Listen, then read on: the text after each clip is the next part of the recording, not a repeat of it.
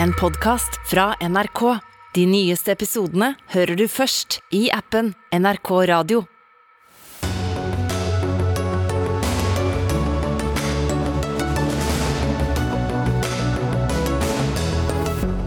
Hvorfor må småbarnsforeldre absolutt være toppledere? Det spør en politisk redaktør som får høre at hun har en problematisk holdning. Opp mot 25% av de høye strømprisene skyldes utenlandskabler, ifølge en rapport. Venstre forsvarer dem like fullt. Rødt vil stanse offentliggjøringen av resultatene fra nasjonale prøver for å fjerne stress. Det blir å skru klokka nesten 20 år tilbake, protesterer Høyre. Og er NRK morsom nok? Nei, mener en forsker som synes NRKs humorsatsing er for kommersiell og for tannløs. Og det er bare noe av det du får høre og se i Dagsnytt 18 i dag, hvor vi også skal snakke om vennskap i barnehagen og en stor militærøvelse. Stort spenn, altså. Jeg heter Sigrid Solund.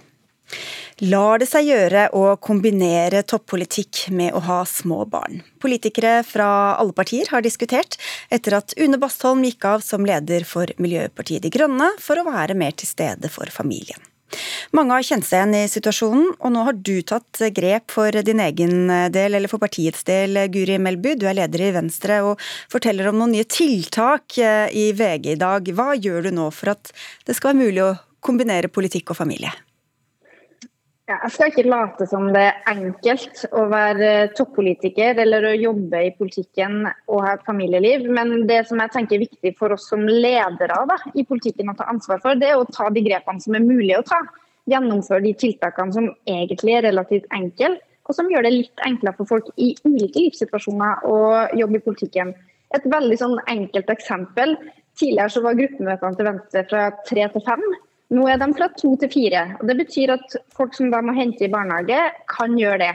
Vi har også alle morgenmøter digitalt i tillegg til fysisk, som betyr at hvis du da har brukt tid en morgen på, på å følge ungen i barnehage, så kan du logge deg på digitalt i stedet for å møte opp fysisk. Så altså, Jeg kan ikke endre sendeflata til Dagsnytt 18, men alt det som vi styrer i vårt parti, hvor mange helgemøter vi har, hvilke tidspunkt vi har møter på, hva slags instruks vi gir til ansatte når det gjelder jobbing på kveldstid, hvordan vi gjør det med avspasering og sånn, det kan vi styre. Og det mener jeg er vårt ansvar som ledere. For politikken må være et sted for alle mennesker i ulike livsfaser. Ja, skal det det? Bør man kombinere småbarnsfasen med et så avansert eh, ansvar? Dette skriver du om eh, i en kommentar, Eirin Eikefjord. Du er politisk redaktør i Bergens Tidende. Og vet ikke hva du selv svarer, men eh, hvorfor er kanskje ikke småbarnsfasen den tida der man også bør søke topplederverv? Jeg prøvde bare å pirke litt i det premisset om at et tegn på suksess er at du på en måte skal gjøre alt samtidig. Og Kristin Halvorsen sa jo i et intervju en gang at man må jo ikke alltid ha blodsmak i kjeften. Og Det syns jeg er et godt poeng. At det går an å ha litt is i magen og tenke at muligheter kommer òg etterpå. Og jeg tror at mange stresser fordi at en tenker at en ikke får de mulighetene igjen.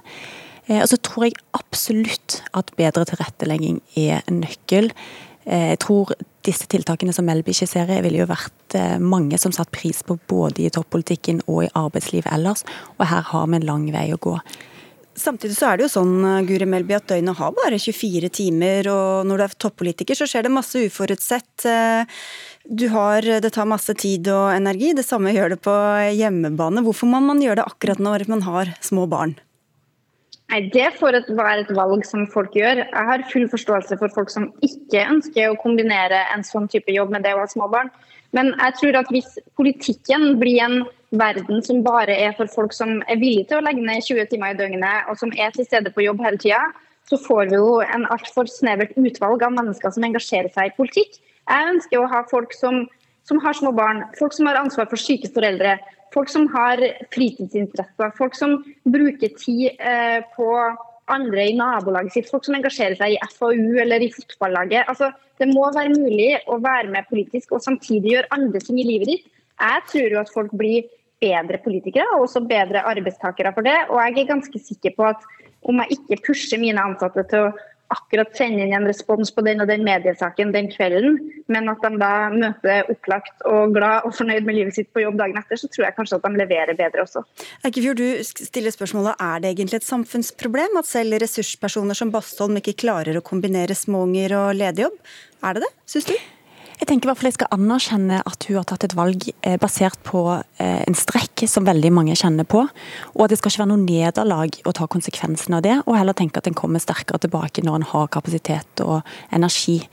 Eh, og så er jeg veldig enig med Melby at det er et arbeidsgiveransvar å tilrettelegge for dette, og at alle er jo tjent med at alle har balanse i livet, og da gjør de fleste en eh, best mulig jobb. Så jeg tror jo virkelig at det er den retningen eh, vi skal gå i, og det er til det beste for alle parter. Altså Bastholm har jo fått mye støtte, men det er mange som har ment at det er et problem og at det er et symptom at hun uh, trakk seg. Emil André Erstad, du er kommentator i Vårt Land, og du reagerer på det Eikefjord skriver, og sier det er problematisk og passivt Hvorfor det? Ja, altså, altså når, når Eikefjord spør om det er et problem, så er det åpenbart et problem. Ikke for, uh, nødvendigvis for Une Bastholm sjøl, som velger å prioritere barna sine framfor politikken, men for norsk politikk uh, og for demokratiet vårt, uh, som trenger at det er representanter for alle ulike lag av samfunnet. Og ikke bare de som nærmer seg pensjonsalder og som er komfortable med å ha møte på kveldstid og ettermiddager langt etter barnehagehenting.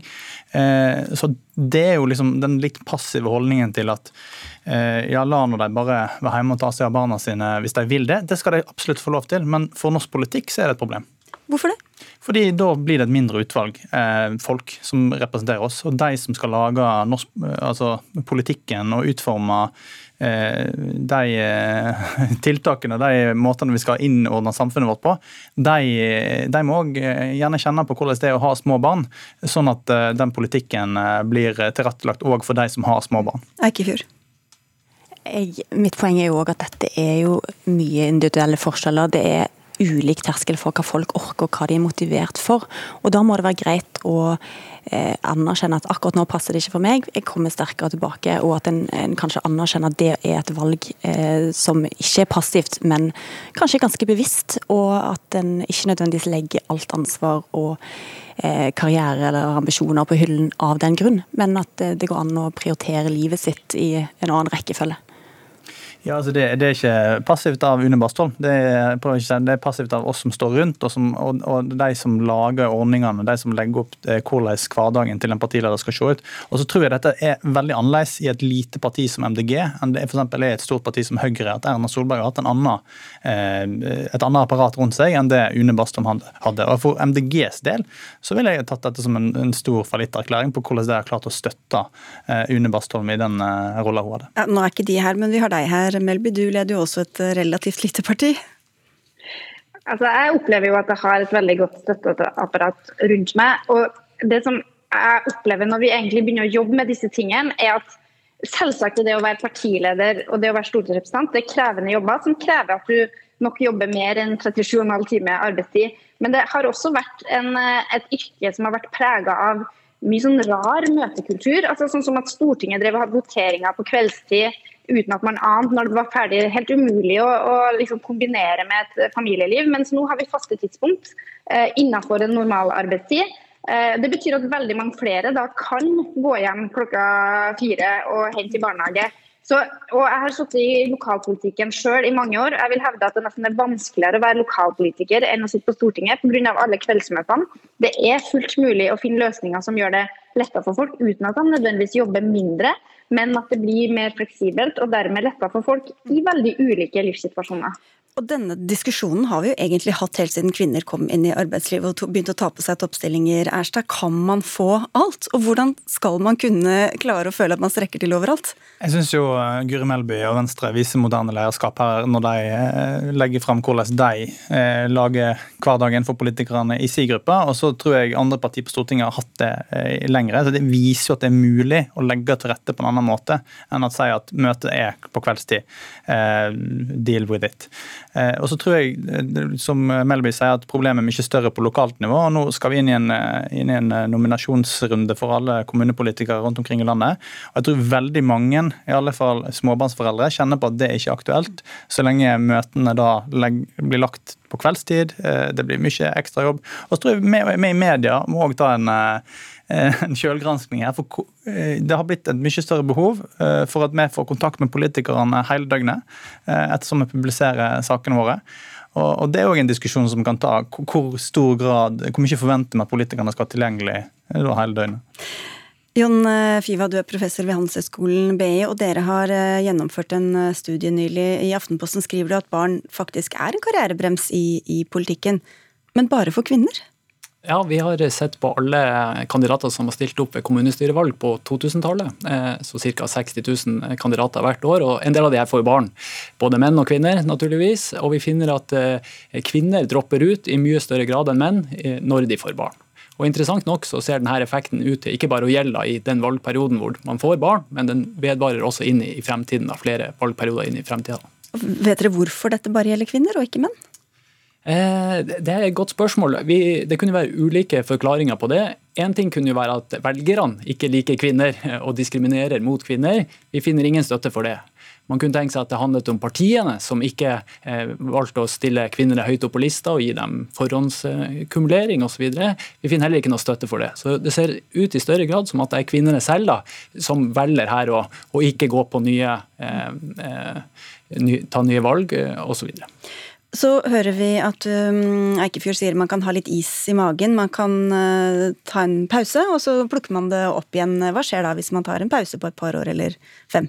Jeg har jo tidligere beskrevet det norske politiske systemet som, som en, eh, en, en, et stigespill, et politisk stigespill, hvor man må eh, Ansiennitet spiller en stor rolle. da. Så Det å tråkke på ulike eh, karrieretrinn er svært viktig for politikere i norske system. og 80% av stortingspolitikerne i dag har jo bakgrunn fra lokalpolitikken.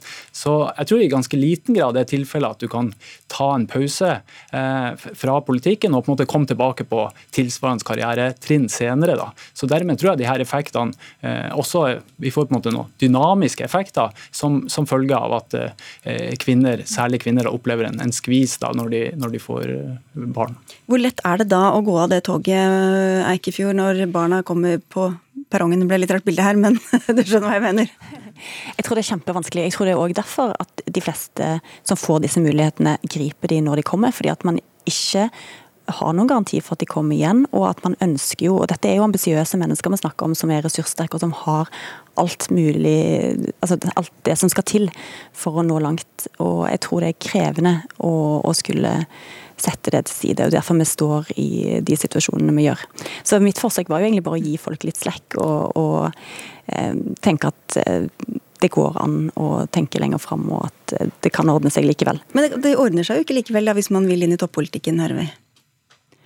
Ja, nei, det er jo litt synd. Det er jo veldig trist at det, det skal bli sånn. Men ehm, ja. Er, er det, Fiva, er dette tilsvarende i arbeidslivet? Altså Normalt arbeidsliv? Politikken er jo litt spesiell? Ja, Vår studie er motivert direkte av flere studier, også norske, som viser at når kvinner får barn, så faller deres inntekt relativt til menn eh, betraktelig. Jeg tror det er snakk om ca. 20% Og igjen er det sånn at denne effekten er ikke noe som man henter inn igjen. Kvinnene henter inn igjen. Ser man også f.eks. ti år etter man fikk sitt første barn, så tjener kvinner fortsatt betydelig mindre eh, enn menn. Så det, denne effekten eh, blir på en måte ikke henta inn, og den, den, kan i stor grad forklare de lønnsforskjellene som man ser i, i, i Norge i dag mellom menn og kvinner. Og vi liker jo å tenke på oss selv som veldig likestilt, men samtidig så snakker vi også om dette tredje skiftet, at kvinner gjerne tar et totalansvar som menn ofte ikke tar. Eh, er det noe det er grunnlag for å si om, om kan slå ut hvis det stemmer? Jeg har nok ikke gjort noen direkte studier på det, men jeg er ganske sikker på at hvis du ser på sånn tidsbrukundersøkelser, og sånn, så er det ingen tvil om at kvinner eh, bruker mer tid på omsorgsoppgaver og sånne ting. Så jeg, tror kvinner føler sterkere på tidsklemma eh, når det gjelder å få barn. Og, vi ser jo igjen en parallell til arbeidsmarkedet, hvor vi ser at i, i næringer sånn som advokatbransjen, konsulentbransjen og sånn, hvor det handler om å gjerne jobbe eh, lange dager og uforutsigbare tidspunkt, så, så, dropper kvinner ut gjerne kanskje da i 30-åra. Eh, og vi, vi, ender opp med å se relativt få kvinner som virkelig når helt til, til topps. Guri Melby, eh, både Fremskrittspartilederen og for så vidt Høyre-lederen har også trukket fram riktig valg av ektefelle som avgjørende karrieretrekk. Du har snakket om at du måtte få eksen din inn i huset igjen da du skulle bli statsråd. Må man ha en oppofrende parter for å, for å komme seg opp og fram i politikken? Jeg tror jo alle som har krevende jobber, kjenner at det er viktig at den man deler foreldreskapet med, er en person som er villig til å ta ansvar og som stiller opp. Det tror jeg er helt avgjørende. Og som sagt så har jeg også vært heldig. Men jeg har lyst til å understreke at nå blir det litt sånn snakk om karrierejag og toppolitikere og sånn. og Det er klart det er ikke noe menneskerett å være toppolitiker, det er ikke noe menneskerett å bli partileder. Men nå kommer jeg rett fra Fjaler, der jeg snakka med våre lokalpolitikere der, som fortalte at på siste kommunestyremøte så var det én kvinne som møtte. Og Det mener jeg uten tvil er et demokratisk problem. Og da tenker jeg at Vi som er toppledere i politikken, vi kan gå foran og gjøre det vi kan. Jeg tror det også kan bidra til at vi får flere kvinner inn i kommunestyret. Det betyr at vi bredder ut hva slags befolkning som da blir representert rundt omkring i demokratiet i hele landet. Mm. Erstad.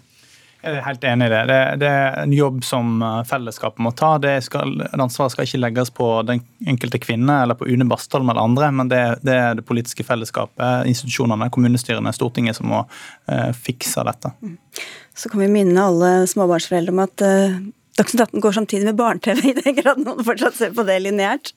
Takk skal dere ha alle fire for at dere var med. Guri Melby, Venstre-leder, eh, Eirin Eikefjord, som er politisk redaktør i Bergens Tidende, John Fiva, professor ved Handelshøyskolen eh, BI, og Emil André Erstad, kommentator i Vårt Land.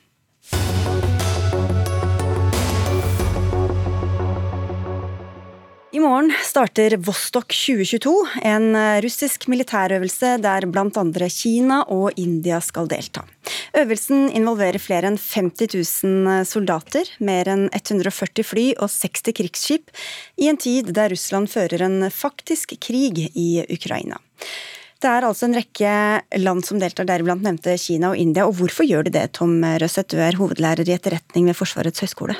Ja, nå er dette en øvelse som er veldig nedskalert fra 2018, når den sist valgt. Da var det tre, etter sigende 300 000 russiske soldater. Nå er det knapt 50 eh, 000, så det blir nok eh, Det er åpenbare grunner til det, kanskje? det er åpenbare grunner til det. Og så er det Ja, hvorfor? Eh, det er jo fordi det er i deres interesse å fortsatt opprettholde relasjonen til Russland. For Kina, for India og for eh, flere av de andre statene så er dette viktig. og Derfor så blir ikke Ukraina-krigen viktig nok eh, for dem eh, i den settingen. Men Vesten har jo forsøkt å isolere Russland, men det har de åpenbart ikke oppnådd? De har oppnådd det i en en del av verden, i den vestlige verden, og det vi i stort kaller den vestlige verden. Men stater som Tyrkia, India, selvfølgelig Kina og andre de har en uavhengig politikk eh, og ser seg tjent med å opprettholde relasjonene med Russland. Therese Sollien, du er kommentator i Aftenposten og kjenner Kina godt. Hva tror du Kina tenker at de har å tjene på et sånt samarbeid? Kina er i den heldige posisjonen at eh, Russland er veldig isolert. Russland er fullstendig avhengig av Kina. Kina kan diktere hva de, tar, hva de betaler for russisk olje og gass. De kan diktere hva de tar betalt for sine egne varer på et russisk marked som i mye større grad nå er avhengig av, russisk, eh, av, av Kinas varer. Og det å samarbeide militært med Russland er jo en slags vennlighet, som også er ganske naturlig i en situasjon der Kina har en interesse av å bevare et slags eh, vennskap med Russland, uten at det betyr noen allianse. Hvor, hvor, hvor, altså, så de er ikke nærmere hverandre egentlig enn det de har vært, da? Jeg tror ikke det. Hvis man ser på fakta på bakken, så er Russland eh, for Kina veldig ubetydelig, mens Kina for Russland er veldig viktig. Og det er eh, enormt mye mer sant etter krigen i Ukraina. Mm. Bryr Unnskyld, nei? Kom igjen. Eh, Kina eksporterer varer til Russland for en niendedel av det de eksporterer til USA. Bare for å nevne noe. Men Kina er ikke redd for å støte fra seg USA eksempel, gjennom et sånt type samarbeid med Russland? Jeg tror ikke dette er nok til å støte USA vekk i den forstand. Kina har med vilje vært veldig eh, hva skal man si, lite konkrete. De har ikke kalt invasjonen i Ukraina for en invasjon. De har ikke erkjent at det er en krig. Eh, men de har heller ikke stilt seg så på Russlands side som Russland nok kunne ønsket seg. De ville koste mer enn det smaker. I den forstand at Kina vil ikke havne i hardkorn med Russland i samme type unåde som Russland er havnet i vestlige øyne, fordi Vesten er mye viktigere for Russland enn det, eh, for Kina, enn det Russland er. Mm, mm. mm. Hva med disse andre landene, Røseth? Ja, disse andre landene. Eh, India har jo sine interesser i å opprettholde relasjonen med Russland, og det er flere grunner til det. Eh, det ene er at de ønsker å, at Russland eh, balanserer sin relasjon eh, med Kina og Pakistan, og tar India med i den ligningen. At ikke India da risikerer at Russland eh, satser mer på andre stater i regionen. Så Det er en regional eh, bilde som India ser, som vi vanskelig ser herfra. Og så er det den historiske tradisjonen. De har samarbeidet over tid med våpen. Oljeeksporten har tatt seg opp over tid, og spesielt nå, da, så mye billig russisk olje. Og så er det Kashmir-konflikten. altså Sovjet i sin tid støttet eh, India, og det tror jeg er et kort eh, India gjerne ikke vil miste i så måte. Kashmir eh, for India og Taiwan er viktig for Kina. Ukraina åpenbart for Russland. Hva leser du av, denne, av det bildet her? Nei, Jeg tror ikke at uh, disse to uh, statene har koordinert i forkant uh, med å lage hver sin krig og konflikt. Men det er klart, de, de samarbeider tettere og tettere.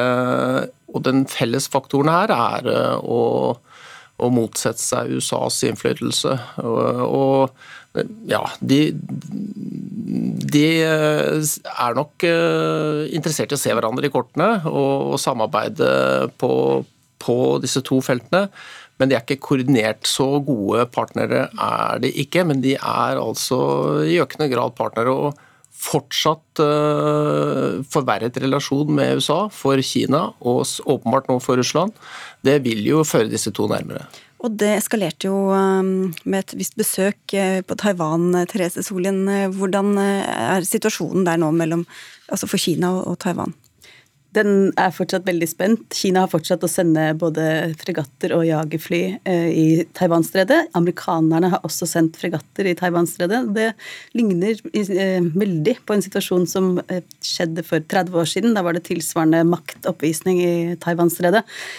Det gikk over ganske fort. Tok en tre måneder ca., så ble det rolig igjen. Men, og etter det ble, kom alle partene egentlig ganske godt ut av det. Jeg er ikke like overbevist om at det blir sånn nå, men jeg har tro på at det kommer til å roe seg. Hvor optimistisk er du, Røseth? Jeg tror ikke det blir noen uh, krig uh, over Taiwan uh, nå.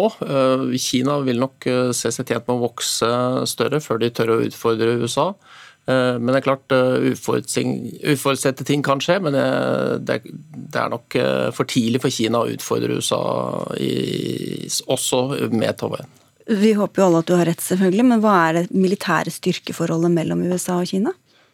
Nei, eh, USA er jo eh, fortsatt eh, overlegen Kina, også i det maritime domenet, hvor Kina over tid nå har satset tungt. Fordelen til Kina er at Taiwan er nære den kinesiske kysten, og det er mer utfordrende for USA å operere tett inntil ja, kysten til, til, Kina, hvor Kina kan spille på flere eh, våpenplattformer. Men eh, ja, kineserne er fortsatt ikke rede for å utfordre USA på det maritime domenet. Og det realpolitiske er viktigere fortsatt, Solin, enn det idealistiske for Kinas leder? Ja, jeg, jeg tror de fleste stater opererer rasjonelt og strategisk. Det finnes jo noen unntak ved uhell eller sånn syfilittisk megalomani og sånn. Jeg tror ikke Xi Jinping er der i det hele tatt. Jeg tror han Jeg deler din analyse av at det er en rasjonell og strategisk aktør. Da får vi senke skuldrene inntil videre. Takk skal dere ha, i hvert fall begge to, Tom Røseth og Therese Solin.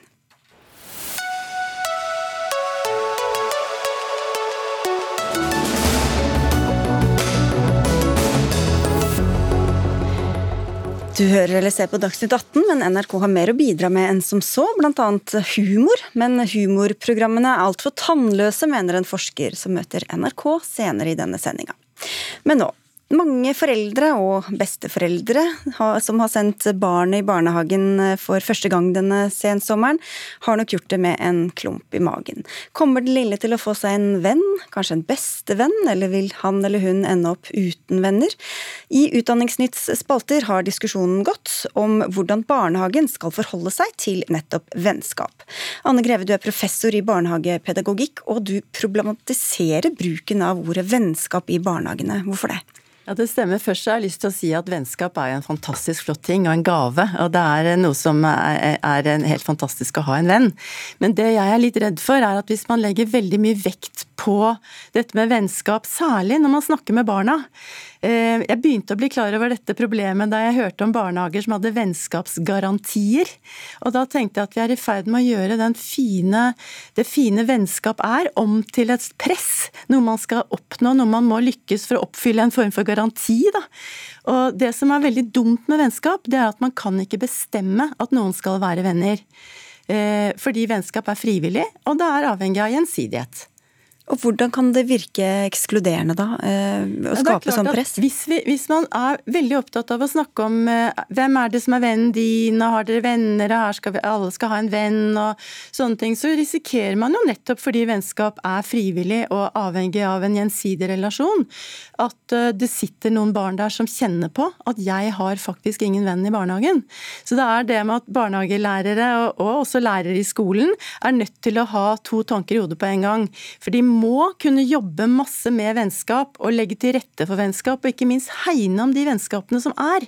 Men kanskje ikke snakke så mye med barna om vennskap og venn, og her er, hvem har du som venn, og hvem er vennen din, osv. Så sånn.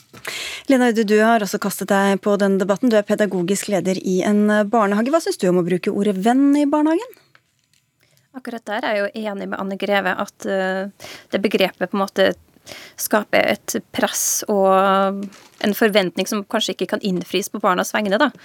Um, samtidig så er jeg også uenig i det her med at vi ikke kan la være å snakke med barna om det. For jeg tror på en måte ikke på det her med å tie i hjel ting som er vanskelig. Uh, og jeg tenker også at ensomhet også har vist seg å være et samfunnsproblem også for voksne. Og da tenker jeg at det å, det å snakke med barna om det som er vanskelig, snakke med barna om at alle skal få være med, reflektere og bevisstgjøre barna på det, kanskje heller er veien å gå da. Ja, For hvis barnet kommer og sier 'jeg har ingen venner', hva sier du da? ja, hva sier man da? Uh, man må jo hjelpe dem inn i et form for eh, sosialt fellesskap, tenker jeg da. Mm. Det er også der jeg prøver å lands, eh, bidra til debatten med å diskutere om det her med lekevenn kan være et bedre begrep. Da. At det her, da handler det mer om det sosiale fellesskapet, der alle kan leke med hverandre, som kanskje har litt lavere forventninger og mer reelle krav, kanskje, da.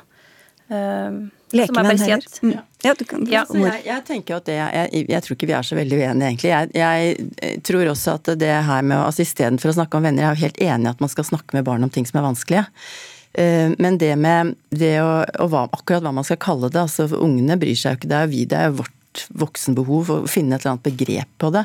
Men jeg tror at det der å, passe, å sørge for at, å, å garantere da, at alle faktisk har noen å leke med, det er noe vi kan garantere. Og det, for der kan nemlig barnehagelærere gå inn og leke med barna på lekens premisser uten å dominere. Og da, vil, eh, og da, da behøver man ikke å snakke så veldig mye om det er en venn eller ikke venn. Trolig så vil et felles lekefellesskap føre til at man får venner. Men skal man da presse noen til å ta med andre i leken, selv om de egentlig ikke vil? Nei, Det er jeg veldig opptatt av at man ikke skal gjøre, fordi at eh, da kan leken veldig fort gå i stykker. sånn at jeg tror at, eh, og, og, jeg tror at nettopp dette med at veldig sånn presset på at man skal ha venner osv. fører til at man får sånne regler som at det ikke er lov å si nei til, til barn som vil være med i lek, f.eks. Eh, ikke, altså, ikke, ikke, lov å si nei til jo, det var det jeg sa. Hvis noen spør om å være med. Mm. Mm. Eh, jeg tenker jo ja takk, begge deler, tenker jeg da. Jeg tenker at jeg har lyst til å utfordre litt denne diskursen om at eh, frileken er så verna som den er i barnehageprofesjonen. da. Eh, jeg lurer liksom på om frileken skal vernes om for enhver pris, for det kan være at man Eh, står opp for at leiken veier tyngre enn barns trivsel i barnehagen. Så jeg tenker at noen ganger skal selvfølgelig barnas lek få lov til å vernes, men samtidig så tenker jeg at noen ganger kan man også utfordre barna litt på å slippe andre inn i leken. Eh, også fordi at kanskje er ikke alltid leken eh, så Hva skal jeg si, da? Så fanta mm. Ikke fantastisk, men man helliggjør mm. leken da, på en måte litt.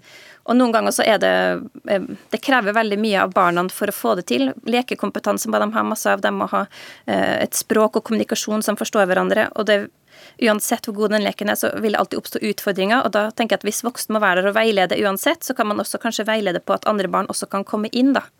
Eh, og at, I tillegg til at det er også noe man må øve på, rett og slett som en del av sosial kompetanse. Jeg holder på med å avslutte et forskningsprosjekt nå. Vi jobber med at lærere både i barnehage og skole er med og leker. Er med i leken og leker. Ikke bare legge til rette for det, men faktisk er med som en likeverdig lekepartner. Og jeg tror at det er kjempeviktig. Jeg tror det er viktigere at vi legger vekt på de tingene enn akkurat å definere noe som vennskap eller ikke vennskap. Men det som det kreves, det er dyktige, kompetente barnehagelærere og lærere i skolen. Og det, det er kjempeviktig, for dette her er kompliserte saker. Og det er jo faktisk akkurat grunnen til at lærerne streiker nå, fordi at de vil ha flere komp mer kompetanse i skolen. Men det, så det å si at her skal alle være venner, det, det er helt passé, det da? Ja, det, betyr, det, kommer litt an på hva man legger i det. Her skal alle være venner. Altså det, hvis man med det betyr at her skal alle være hyggelige mot hverandre og oppføre seg litt ordentlig og være høflige og greie og rause mot hverandre, så er jeg ikke noe imot at man bruker det. Men, men jeg tror at det der, at man, når man gjør vennskap til en garanti, eller gjør vennskap til et press, og snakker veldig mye om hvem er din venn og har alle en bestevenn og sånn, det er det jeg er redd for. Ok, Får jeg en kommentar til slutt eh, fra deg, Udu? ja. Hvis du vil. ja, vi er enige i veldig mye, men jeg mm. tenker nok at vi kanskje også må utfordre oss sjøl litt på den tradisjonelle tankegangen som har vært om lek, da. Mm. Og vi har også invitert Kunnskapsdepartementet pga. rammeplanen, som også sier en del om at man skal utvikle vennskap i eh, barnehagene, men de takket nei til å være med i denne diskusjonen. Men takk til dere to, Lena Udu, pedagogisk leder i en barnehage, og Anne Greve, som er professor i barnehagepedagogikk.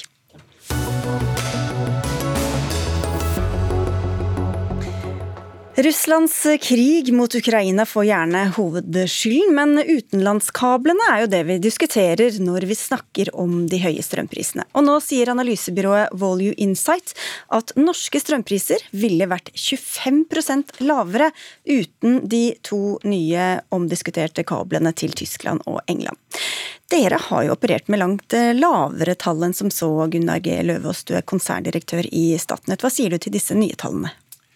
Jeg sier først at eh, når vi gjorde analyser på vårparten i år, så var det en etterpåanalyse av situasjonen i 2021, hvor vi så på de helt faktiske forholdene i markedet. Da dere sa at det var 10 økning. Og Da sa vi at eh, vi kunne se at de prisene, eller hendelsene i, i, i, i verden kombinert med, med, de nye kablene, altså kablene forklarte ca. 10% Analysen til Volue den tar utgangspunkt i dagens situasjon og ser framover og har fått et høyere tall på 25 vi mener at de analysene vi gjorde da var gode, og vi mener at de analysene vi har gjort tidligere også var gode, men verden har endra seg veldig, og, og bildet framover er annerledes. Så dere støtter det med nå at nå er det 25% som skyldes kablene? Vi har ikke gjort nye analyser nå, men, men vi er enig i at uh, tallet ville være noe høyere. Så vi tror at uh, et, hvis jeg skulle gjette på et tall over bordet her nå, så ville jeg sagt et sted mellom 10 og 20% Men du sa at dere tok uh, et tilbakeskuende anslag på vårparten, men senest 28, 18. august så sa din sjef Hilde Tonne til Politisk kvarter at de to utenlandskablene utgjør sitat ca. 10% av prisene både i fjor og inn i framtiden. Hvorfor sa hun det da? Det som vi har sett på og analysert, er det som jeg sa. Vi har sett på situasjonen i 2021 og hvor mye kablene betydde da. Altså, vi har ikke gjort nye analyser nå, men vi mener at den grunnleggende logikken i de analysene er, er samsvarer bra med, med, virkeligheten. Det vi ser, hvis du ser nærmere på, på um, forholdene, er at eksporten på kablene fra Norge til utlandet er faktisk lavere nå enn det den var før disse kablene ble satt i bruk. Det er jo ikke pga. kablene, selvfølgelig, men, men, markedsforholdene har gjort at det, det, er ikke så mye flyt på disse kablene nå som mange tror. Men bare for å kvittere ut, så det var feil da, det hun sa? Vi har ikke gjort analyse på situasjonen nå og framover. Og så er jo En av grunnene til at vi snakker om dette, er jo fordi selvfølgelig veldig mange er opptatt av strømprisene, men også pga. at det grunnlaget dere ga, var jo det grunnlaget politikerne tok eh, stilling til da de skulle bestemme om vi skulle ha nye kabler eller ikke. Og hvor godt var det grunnlaget da, når vi ser den situasjonen vi har nå? Vi mener jo at det var et godt underlag vi presenterte tilbake for en åtte-ni år siden. Og, det var jo et underlag som også ble gjenstand for mye kontroll, og som det var stor debatt om på det tidspunktet. Det var et stort politisk engasjement. Alle aktørene i kraftbransjen var på banen. og, og vi mener at de ga et riktig bilde av verden sånn som den så ut da. Men det var jo ingen på det tidspunktet som kunne vite at det skulle bli krig i Europa. Eh, at det skulle være så ekstraordinære forhold som nå. Så de analysene er jo for et gjennomsnitt over den neste 50-årsperioden. Og vi mener jo at disse kablene var en klok beslutning da, og kommer til å tjene Norge godt i mange år framover. Men selvfølgelig, akkurat nå gjør dette vondt. Det er det jo ikke vanskelig å være enig i. Men det er flere politikere fra flere partier som har tatt til orde for en granskning også av dere. Hva sier du til det? Det tenker jeg er politikk eh, å, ta stilling til sånne ting, men vi har i hvert fall ingenting vi er redd for. Og vi mener at det var veldig godt belyst det vi la fram den gangen, og, og det står vi for, for, det vi gjorde. Og jeg tenker også Når du starter med henvisning til Volly, så er det jo greit å minne om at de sier jo også i dag at deres egen analyse på det tidspunktet stemmer godt med det vi sa den gangen. Og de sier også at kraftprisen i dag ville vært 50 øre ca. I dagens situasjon, hvis det ikke var for krigen i Ukraina. Så, med kablene. Ja, altså, ja. Nei, ja, altså med kablene, mm. men uten krig. Uten krig. Så, så, I en normal verden nå så hadde bildet vært ganske normalt. Så på veldig mange måter så forteller vi den samme historien om at disse kablene ja, de påvirker prisene, men mye mindre enn mange har fått inntrykk av. Men hvorfor, eh, hvis det er krigen som har hovedskylden, da, hvorfor er det bare Sørvest-Norge som får disse økte prisene, og ikke hele landet? Det er fordi at eh, den nordlige delen av landet, altså fra Midt-Norge og nordover, henger veldig dårlig sammen med resten. og Sånn har det vært i, i 100 år. Vi har hatt eh, et kraftsystem hvor vi har eh, regional forsyning og, og det er svake forbindelser. og Det betyr at Nord-Norge er isolert på en måte i forhold til resten av verden nå. og Det blir ekstra spesielt nå fordi det mye, har vært mye nedbør i nord og det renner over i magasinene. Vi skal gå til Stavanger. Der har vi med oss to debattanter. Ola Elvestuen, du eh, sitter på Stortinget for Venstre i eh, miljø- og energikomiteen. Og du har jo forsvart disse kablene hele veien. Men hvor lure vil du si de var nå, da, når vi ser at de fører til 25% høyere pris? Ja, nå er jo Hovedgrunnen til den høye prisen er eh, fortsatt, som det understrekes, er Putins angrep under Ukraina og hans manipulering av prisene tidligere, eh, og nå Europas eh, kamp for å slutte å bruke eh, russisk gass. Og dette er, og dette er et det å stå opp imot uh, Russland og Putin, det er også et samarbeid som mm. Norge må være en del av. Men om det er 25% eller 10% det spiller egentlig ingen rolle?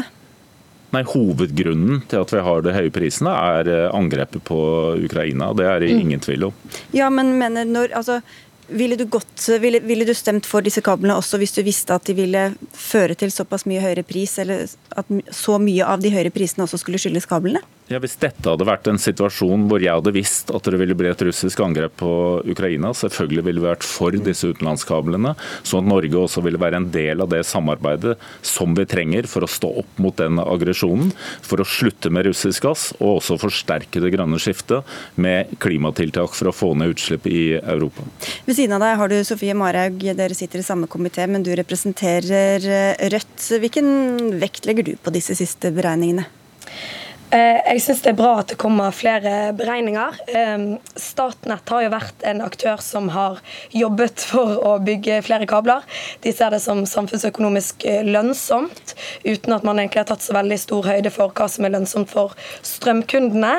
Eh, og da er jo det bra at det kommer andre aktører fram med andre analyser. Så jeg bare sier, Statnett has left the building, eller i hvert fall har forlatt studio. Men, men, men de sier jo samtidig at disse beregningene som vi viser til, de ville jo vært enige, sa de med Statnett, eh, det de hadde som grunnlag på den tiden.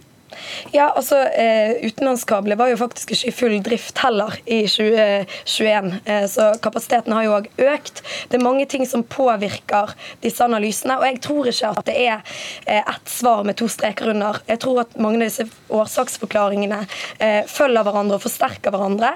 Eh, Putin sin eh, struping av gass til Europa og før krigen, og selvfølgelig forsterket etter krigen, det påvirker det europeiske markedet. Det er en del av det europeiske markedet.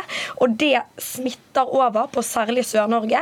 Og det er jo derfor òg de prisene er så forskjellige, fordi at eh, særlig Sør-Vestlandet er veldig tett på det europeiske markedet, den europeiske børsen, og ikke minst pga. de utenlandskablene. Og det har ganske store konsekvenser. Elvestuen, er det noen grense for når det ikke lenger er verdt det? Det viktigste med utenlandskablene er at de gir en forsyningssikkerhet. Og det er klart, Over tid så er dette en fordel også for, for, eh, Norge på den kraftforsyningen, og også på de prisene som vi kommer til å ha. Men det er en veldig spesiell situasjon akkurat nå. Og det er pga. krigen som føres mot Ukraina. og Det er den vi må forholde oss til. Det er det som er kilden. Og vi må ha et samarbeid i Europa for å møte den aggresjonen. Men det hjelper jo ikke Eh, Europa at eh, vi tømmer eh, magasinene våre fordi vi spekulerer på den europeiske kraftbørsen, sånn som skjedde i fjor. Det hjelper jo ikke Europa at vi har skyhøye priser her hjemme, og for så vidt nok selv til skyhøye priser. Marek, selv om, hvis prisene hadde gått ned, da, ville du vært for kablene da? Nei, altså, Vi i Rødt mener at forsyningssikkerheten den var god nok. Og det er vi for så vidt enig med Statnett i, det sier de sjøl òg. At forsyningssikkerheten var god nok med den kraftutvekslingen vi hadde fra før av. Så de to nye kablene Hvorfor bruker eh, dere prisene så mye da, hvis dere helt uavhengig av dem er totalt imot disse kablene? Vi er opptatt av både pris og forsyningssikkerhet. og det syns jeg alle, alle, norske politikere bør være, for å være helt uh, ærlig. Og jeg tenker jo at det viktigste nå, når de kablene allerede er her, eh, så er det å regulere eh, kraftmarkedet mye strengere. Det gjelder både eksporten og det gjelder pris. Eh, og det står ikke i motsetning til å vise solidaritet med Nei, Europa. Er... Tvert imot, i Europa nå så tar jo til og med Ursula von der Leyen til orde for en stor reform av hele strømmarkedet. Så markedet fungerer ikke. Det henger selvfølgelig sammen med ting som skjer. EU, altså jeg bare sier, er, bare et, et øyeblikk, Elvestuen, for EU-kommisjonen mener nå at Norge ikke har rett til å begrense krafteksporten gjennom utenlandskablene som følge av EØS-avtalen. Eh, så da har vi jo ikke så mye vi skulle sagt, da. Nei, jeg synes Det er veldig bra at de er så tydelige, og håper nå regjeringa bare legger, opp, legger, bort de planene de har om å ha begrensninger på eksporten. Man kan gjerne ha reguleringer på magasinene og, og sikre bedre, bedre magasin oppfylling, men det har også en negativ effekt. Det vil også påvirke prisene, men selve kraftutvekslingen den kan vi ikke legge begrensninger på. Så nå må vi faktisk eh, være i et samarbeid med Europa, og vi, og vi er jo det. Eh, jeg syns det er spesielt at eh, Rødt vil at Norge ikke skal være en del av den innsatsen vi nå må gjøre, både for å slutte med russisk gass og for å forsterke også den klimainnsatsen som jeg, vi trenger å gjøre, som er en del av den løsningen vi må ha over tid. Jeg syns det er spesielt at Venstre har gått fra å være et parti som innførte panikklover for å stoppe utenlandske fossespekulanter fra å kjøpe opp norsk natur, til å bli et parti som har mer panikk eh, for at markedet skal Nei, det, reguleres. Altså, men, hvor, du, hvorfor ser ikke du på dette solidariske på samme måte som Elvestuen gjør, Marhaug? For De eneste vi viser solidaritet med nå, det er jo norske kraftprodusenter, toppene i norsk kraftbransje. Det er de som tjener på at prisene er så høye. Jeg tror at hvis vi klarer å regulere både eksporten og prisene, eh, så blir det mye lettere å stå sammen mot Putin. Og det ser vi jo òg i Europa nå, at stadig flere politikere i EU-landet, til og med liberale Macron, har jo innført makspris på strøm i Frankrike. Eh, og så skal, skal, vi være mer katolske enn paven, være mer kraftliberale enn EU sjøl. Det er jo helt parodi. Ja, men Det er jo ikke det det, det handler om. og det er også Frankrike er også en del av den kraftutvekslingen. Det er kraftutvekslingen Tomme trenger. Og Det Rødt også må svare for, er at dersom vi nå skulle ikke ha disse utenlandskablene. Så for å sikre norsk kraftforsyning, så måtte vi bygge enda Nei, mer fornybar energi. Det er feil. Vi ville ha det, det enda mer nedbygging. De to også. siste kablene har ikke gitt økt forsyningssikkerhet. Det sier òg Volue Insight sin mhm. rapport, at det svekker forsyningssikkerheten i Sør-Norge. Det er klart det svekker ikke forsyningssikkerheten, og dette er noe som skal vare over tid. Stavanger, og takk til dere, Sofie Marhaug fra Rødt og Ola Elvestuen fra Venstre.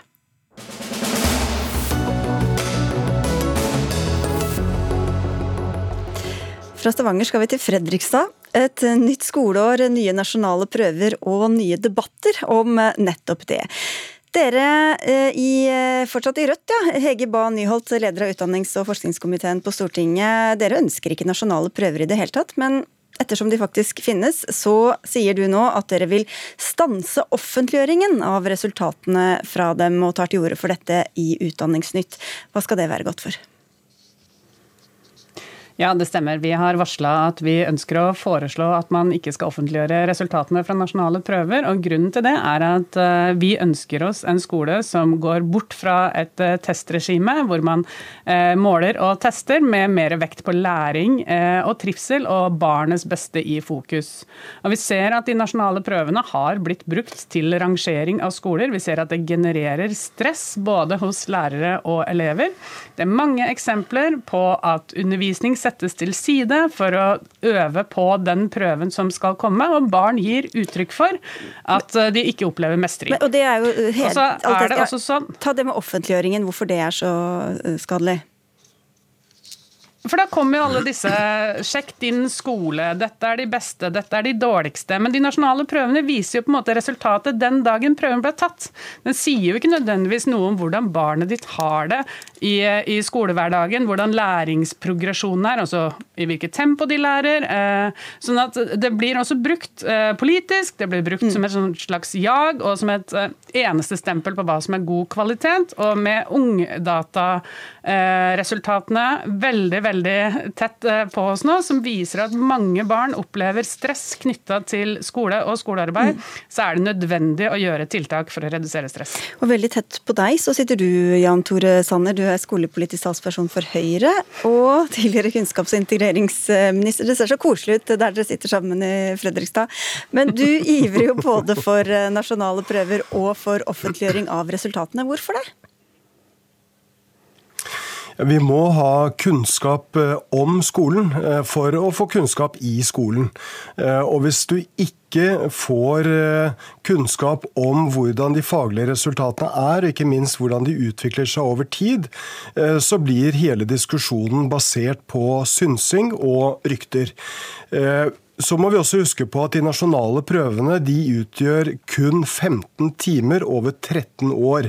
Så det blir veldig veldig spesielt eh, å, å skylde på eh, de nasjonale prøvene når man snakker om, om, om stress og mistrivsel i, i, skolen. Eh, vi må huske på at elevene går på skolen for å, for å lære.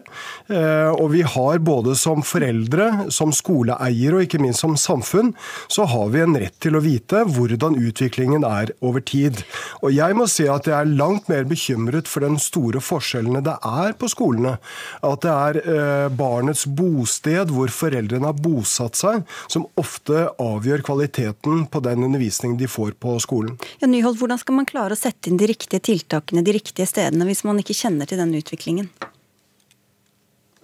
Men det tror jeg at man kan sikre på ganske mange andre måter. Eh, Rødt er jo også for kartlegging når det er nødvendig. Eh, pedagoger har i alltid kartlagt, eh, enten for å finne ut av om eleven eller klassen er på en måte der de skal være, eller ved, hvis man lurer på om en elev har behov for ekstra forsterkning. Det er jo ikke det det er snakk om. Det det er snakk om, er at vi må legge opp en skole som har barnets beste i fokus. Og Forskning viser at barn ikke er mottakelig for læring hvis de er stressa.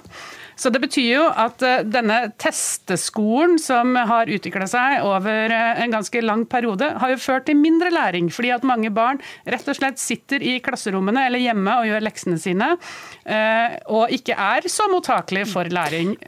Og så er det sånn at foreldre skal selvfølgelig ha informasjon om sitt barns utvikling.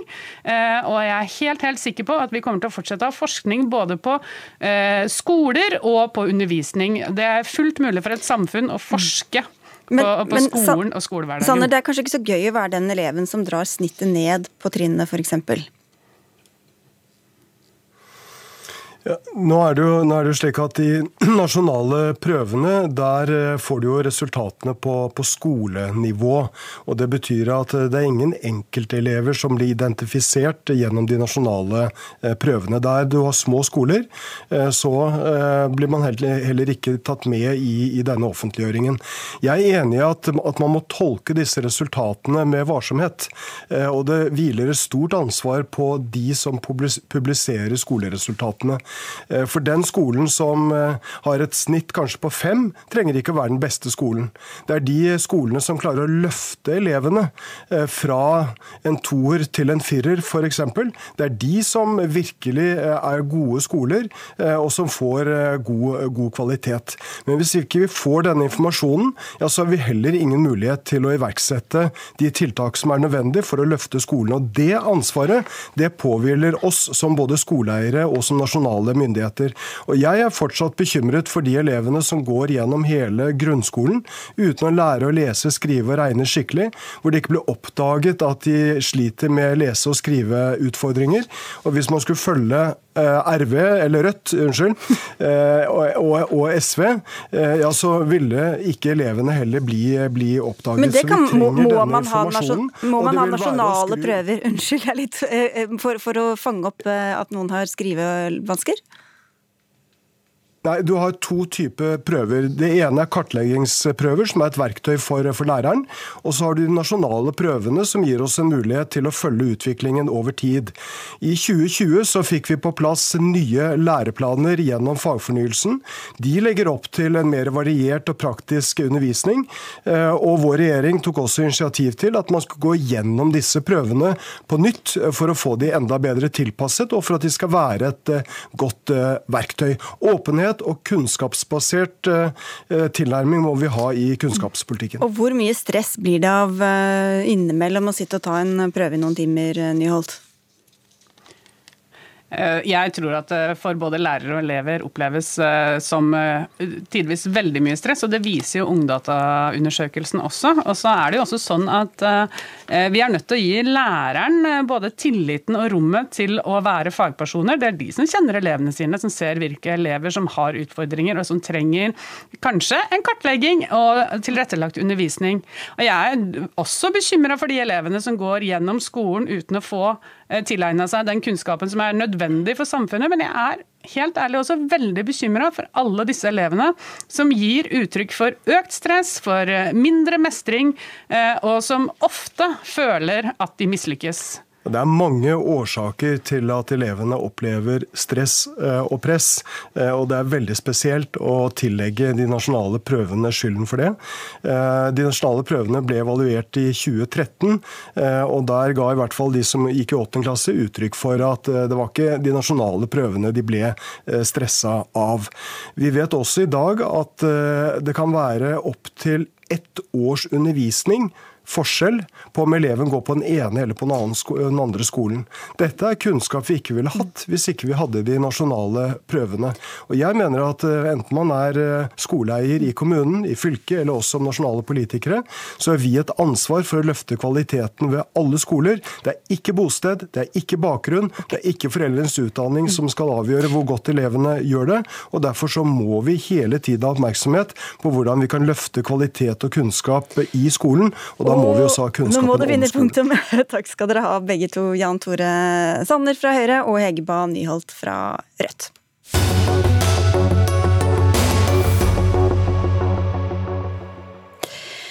En ny gangsterkomedie og snart en ny sesong av Nytt på nytt. Det er blant humorprogrammene som skal lokke publikum til NRK denne høsten. Men humorinnholdet i Statskanalen er for slapt, ufarlig og for kommersielt, sier du til Dagbladet humorforsker ved Universitetet i Bergen, Jon Magnus Dahl.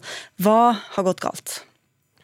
Nei, eh, hovedsakelig så har jo NRK eh, gått fra å være et slags laboratorium for eh, spennende eh, humor, for eksperimentell humor og for samfunnskritisk humor, og da rett og slett eh, til å satse såpass bredt eh, til at det bare blir slapt. Det blir eh, en år så bredt at ingen vil se det. En repeterer eh, gamle suksesser om igjen og eh, avlyser eller avslutter alt som ikke har nok seertall, men som til gjengjeld kanskje er litt spennende og nyskapende, da. Dette var ikke noen god attest, Kristine Reskeresar. Du er sjef for underholdningsavdelingen i NRK. Nei, men eh, det er det ikke. Men det er jo ikke heller helt riktig. Eh, Satiriks har vi jo holdt på med i ti år. Og vi har jo eh, korthumorsatsinger. Og vi, har, vi tester jo på veldig mange flere arenaer enn bare på TV. Og vi har podkaster i utvikling. og Nytt på nytt er jo bredt, men det, i bredt så betyr det også at vi når unge. Så vi, Det er jo ikke bare sånn at det er det samme om og om igjen. Dette er jo Grunnen til at vi avslutter ting, er jo fordi vi ønsker å teste nye og utvikle nye profiler. Hva er det du savner, Dahl? Altså, jeg savner eh, en del eh, Jeg savner egentlig tre ting. Jeg savner ordentlig skarp satire. Eh, Satiriks var en slik satsing. Jeg håper det kommer noe nytt, men Nytt på Nytt er gått i mange år, og der sitter man liksom og koseprater med politikere. Eh, og ja, Det er ikke noe skarpt skarp satire som en sammenligner med det som finnes i europeiske naboer, f.eks. Jeg savner òg med formeksperimentering, som jo er det de offentlige kringkasterne har vært gode på, fra liksom BBC og Monty Python og gjennom det vi kjenner igjen som Bård og Harald, eh, og senere Svart humor og Kongen av Gulset på NRK. Og så savner jeg en det er kanskje litt mer eh, humor, humordramaene, da, med litt mer eksistensiell tyngde. Eh, og der har eh, jeg hørt fra ganske sikre kilder at NRK f.eks. kunne fått den beste norske serien som er lagd innenfor denne sjangeren, Pernie, men valgte noe annet som alle nå har eh, glemt hva er. Resar? Ja, Pernie, Jeg var ikke innblandet i det, men det er jo ikke skarp satire. Det er jo ganske bred serie som alle. Det er en helt fantastisk serie. Men vi jobber jo med flere serier nå som jeg vil tenke har ganske satirisk brodd. og en av grunnene til at Vi har jo puttet en del av energien vår også over i dramaserier. fordi det er jo for det første en serie som eh, Drama er en eh, sjanger som folk kommer inn og ser. Og vi kan fortelle veldig mange historier eh, fra liksom, samfunnet vårt rundt oss og det som skjer. Så eh, det er vel egentlig bare mer at vi har flyttet tilbudet våre over på podkaster. Vi vi utvikler nå flere. Det er jo bare et halvår siden vi sluttet med Satiriks. Og vi jobber jo med å utvikle nye prosjekter i satire. Men det tar tid å utvikle, det tar tid å finne formen sin. Men det er jo en strategi jo... som ligger bak her. Der. Hvorfor skal NRK lage bred humor for massene, som like gjerne kunne blitt sendt på en kommersiell kanal? Nei, altså jeg tenker Jobben vår er jo eh, altså I Ungt og bredt så ligger jo ikke det at det er for alle. Det er jo ikke alle sjangere og prosjekter vi skal lage som er unge og bredde Det er unge og brede. Men jobben vår er jo å samle og engasjere alle i Norge. Og så må vi jobbe ekstra hardt nå med å liksom nå de som bruker oss minst, og det er de unge målgruppene under 30. Vi når jo veldig godt de med høy utdannelse og de eldre. Så allmennkringkasterjobben vår er jo å eh, treffe på ulike Vi skal både lage de smalseriene og de brede, og vi skal lage familie. Vi har jo ganske bredt oppdrag som vi jobber med. Og i kortformat så jobber vi jo med mange nye unge talenter. Dahl. Ja, En del av dette problemet med nå ungt og bredt virker det jo som at de gjerne skal kombinere dette. Og en ung gruppe, spesifikk ung gruppe som har vært ekstra vanskelig nå, er jo unge med innvandrerbakgrunn. Og to serier som har vært veldig populære der, det er jo f.eks. Svart humor og Kongen av Gulset, som begge ble eh, ja, avslutta, eh, delvis mot programskapernes ønske. Eh, det var jo en suksess. Det var suksess hos unge, det var suksess blant unge med innvandrerbakgrunn, og det var eh, formeksperimenterende. Eh, og det er noe med at eh, NRK kunne lagd mange smale serier, og de kunne lagd det innenfor underholdning, og de kunne lagd det innenfor underholdning. TV, så, og enten liksom satse på Nytt på nytt eller store sitcom-aktige serier eller podkast, det er eh, litt for slapt. Det er ikke rett og slett det er viktig å lage Men, men NRK får jo penger fra hele befolkningen, Dahl, så alle fortjener vel kanskje å få litt humor tilbake?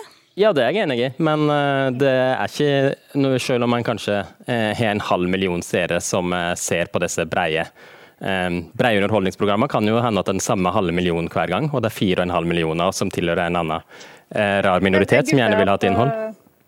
Ja, nå har vi jo, Jeg er jo nå på Gutta på skauen som kommer i morgen, som er jo også en annen fortelling fra krigen med helt satirisk brodd. Og Vi har jo fjerde etasje, vi har kortformat og vi kommer med flus. Eh, og Vi hadde jo Strømmeland og Svart humor. hadde vi. Svart humor eh, var jo en kjempefin serie som vi gjorde i flere år. og så var det jo et eller annet med at de gikk litt tomme og ønsket å gjøre noe nytt. Og Kongen av Gulset vet jeg ikke, for det er P3, jeg vet ikke hva som er byrådet. Det er jo mange avdelinger i NRK som leverer på dette her. Men hvor viktig er eh, seertall for, for, hva som fortsetter å lage flere sesonger? Det er bare en del av det. fordi at eh, Oppdraget er jo ofte så mangt. Hvert eneste prosjekt får jo litt ulike ting de skal treffe på. Og elsk eller å treffe de riktige, selv om det er få, er jo altså Fjerde etasje som skal nå 17-åringene, har jo ikke store, høye krav om seertall. Eh, men ulike, side om side har et krav om seertall fordi det er lørdager. Så eh, det er, det er jo liksom forskjellige oppdrag for de ulike. Og så tenker jeg at Det er jo sånn man på en måte setter sammen en pakke. Så, men bare for å si det sånn, Vi, jo, vi vil jo veldig gjerne ha satireprosjekter. Og vi er ikke noe redde for ting som utfordrer eh, hva som er, hva som, hvilke grensene er. Men det må jo også være drevet av komikerne. Det meste som er hos oss, er jo drevet av hva komikerne er opptatt av. Og dette går jo litt i bølger, hva de er opptatt av. Ok, Du sa hva du savnet, Jon Magnus Dahl. Jeg la merke til at du også savnet Vesensten fra 1998, som sikkert mange av våre lyttere husker. Eh, ja, altså um, den var vel helst et eksempel på at eh, den tiden eh, da NRK var i eh, avantgarden da, i å lage humor for TV Og de ligger forhåpentligvis i NRK-spilleren, uten at jeg skal love for mye. Vi må takke dere, Jon Magnus Dahl og Kristina Resar, som er sjef for Underholdningsavdelingen i NRK, fra uh, Ida Larald Brenna, Gro Arneberg og Sigrid Solund.